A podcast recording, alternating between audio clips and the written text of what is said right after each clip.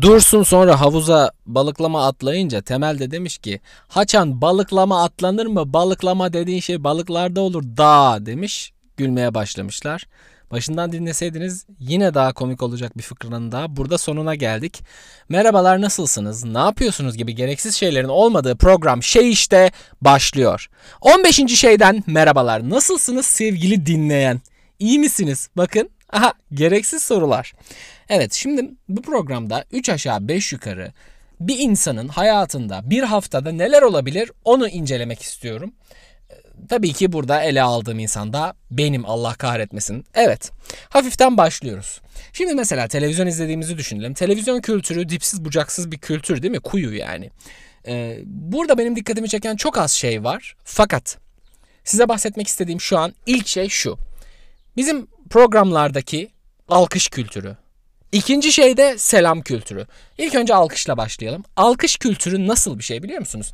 Şimdi alkışın asıl karşılığı neydi? Birisi bir işi yaptı, takdir. Takdir etmenin e, fiziksel bir karşılığıydı alkış. Fakat neye dönüştü bu iş? Özellikle Acun'dan sonra Acun programları. Niye Acun'u söylüyorum? Hani başkası yapsa onu söylerdim. Acun'dan çok gördük bunu. Şunu görmedik mi Allah aşkına söyleyin. Şuna bir alkış alalım. Evet şimdi ona bir alkış. Durduk yere mesela atıyorum birine alkış almak. Ya durduk yere ya oturuyor mesela. İşte ne bileyim Mehmet Bey'in oturuşuna bir alkış. Oturuşa alkış. Acun'dan öğrendiğimiz ikinci şey de bu arada Beyoğlu birinci noteri neyse. Beyoğlu birinci noteri olmak dünyanın en havalı şeyi bence ya. Noter deyince insan ha noter mi bilmem ne. Beyoğlu birinci noteri mi? Aha, o kadar o kadar havalı ki. Maldiv'e falan gitti lan o. Mal, Maldiv mi? Değil. Karayipler'e ne bileyim. Panama. Panama mıydı bu?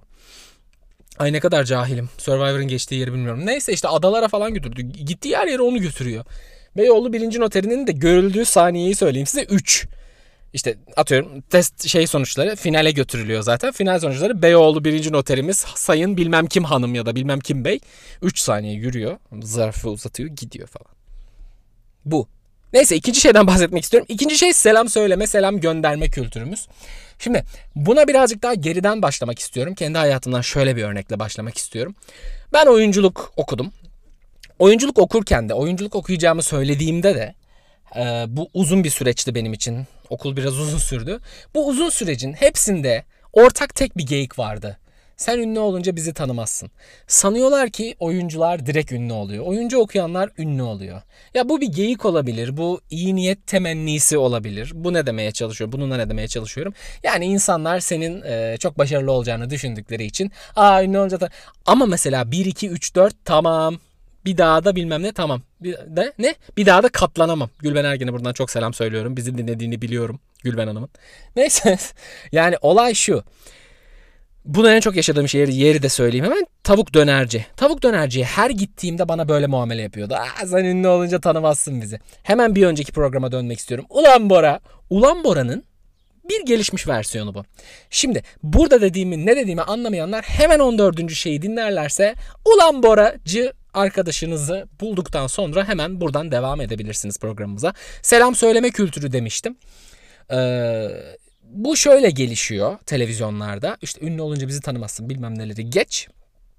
Ünlü oldun diyelim ve bize bir selam söylesene oradan. Bunun tabii moderni nedir? Facebook teyzeliği. Nasıl Facebook teyzeliği? Yani şöyle ki Instagram'da hikayede ondan bahsetmek.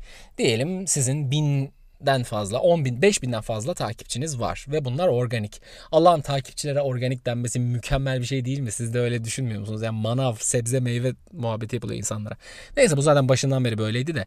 Diyelim o kadar takipçiniz var. Gidiyorsunuz bir yere. Kuaför diyelim bu konuda. Saçını yaparken senden rica ediyor. Diyor ki beni paylaş yapılırken paylaş. İşte tabii ki burada yaptığı bir de o da yani diyelim bu örneğimizde bir kadın olalım. Ee, kadın hemen şöyle yazıyor. Tabii ki burada yaptıracaktım saçımı. Nerede yaptıracaktım başka? Tadında böyle jenerik şeylerle. Ee, oranın bir selam söylemenin e, postmodern kültürünü Instagram storiesinde görüyoruz. Ta, ta ki geri dönüyoruz şu anda tekrar. Ee, televizyonlarda selam söyleme. Bu şöyleydi eskiden. İşte selam söyleyebilir miyim? Diyelim Çarkıfelek, diyelim Fox bilmem ne. Diyelim işte ne bileyim işte Kazı Kazan. O Kazı Kazan'ın televizyon programı yoktu lan. Neyse işte herhangi bir televizyon programında işte kim milyoner olmak ister? Selam söyleyebilir miyim Kenan Bey? Selam söyleyebilir miyim bilmem kim hanım? Söyleyebilirsiniz. Başlıyor. Hop hop hop hop hop hop hop. 16 kişi. Bütün sülale. Yani Türk vatandaşını durdurmadığın sürece konuşur. Bunu nereden biliyoruz? Herhangi bir haberde. Yani özellikle mesela buradan da hemen şey iştenin YouTube programına gönderme yapıyorum. Oradaki vatandaş haberlerinin hepsine bakarsanız eğer vatandaş telefon şey mikrofon ve kamera gördü mü susmuyor. Devamlı konuşuyor, devamlı konuşuyor. Allah'lar kahretsin. Tekrar devam etmek istiyorum. Facebook teyzeciliği demiştim. Ee, ileri Facebook teyzeciliği olarak şunu söyleyebilirim size. Bir dönem şu vardı hatırlar mısınız? Her dua bir, her like bir dua. Her like bir dua tekrarlıyorum. İnanan var mıydı? Hayır çünkü like'a basıyorlardı da. Her like'ın bir dua olması nedir lan? Yani cheesy bir şaka yapmayacağım yine. Yani bayağı basit bir şaka yapmayacağım. Yine gidip mesela Mark Zuckerberg oturup ya like basınca dua gibi. Böyle bir şey yok da yani. Hı? Hayır biz öyle bir kültürüz ki çünkü. Aslında e, emoji çak emojisini dua emojisi falan algılamış insanları. Sonrasında gerçi bunun resmi açıklaması yapıldı. O aslında dua emojisi dendi. Denmesinin sebebi de insanların hoşgörüsüne sığınılması. Hayır o çak emojisiydi. Siz onu dua emojisi olarak mı sandınız? Haha salak mısınız demeyeceklerine göre. Çünkü linç kültürü you know. Buradan da buradan devam etmek istiyorum. Ha İslam'ın 6. şartı like bu şakamı bu şakayı gerçekten yapmak istemiştim. İslam'ın İslam'ın altı şartı vardır artık. Nasıl yani? 2021 model İslam altı şart. Nedir? Altıncı şart like. Devam ediyorum. Geçen gün bir haftamızı anlatıyorduk ya. Geçen gün dişçiye gittim. Ee, bununla ilgili bir şey anlatmayacağım. Hemen öncesini anlatacağım. Sizin de başınıza gelen bir şey. Mesela atıyorum bir doktora randevu alacaksınız herhangi bir doktora. Randevu alırken başınıza şu geliyor mu sizin? Telefonla arıyorsunuz. Ee, bir sekreter ya da herhangi ilgilenen bir kişi çıkıyor. Asistanı, pratisyen. Ne, ne pratisyen açmaz ki telefonu ya. Diyelim pratisyen açtı neyse.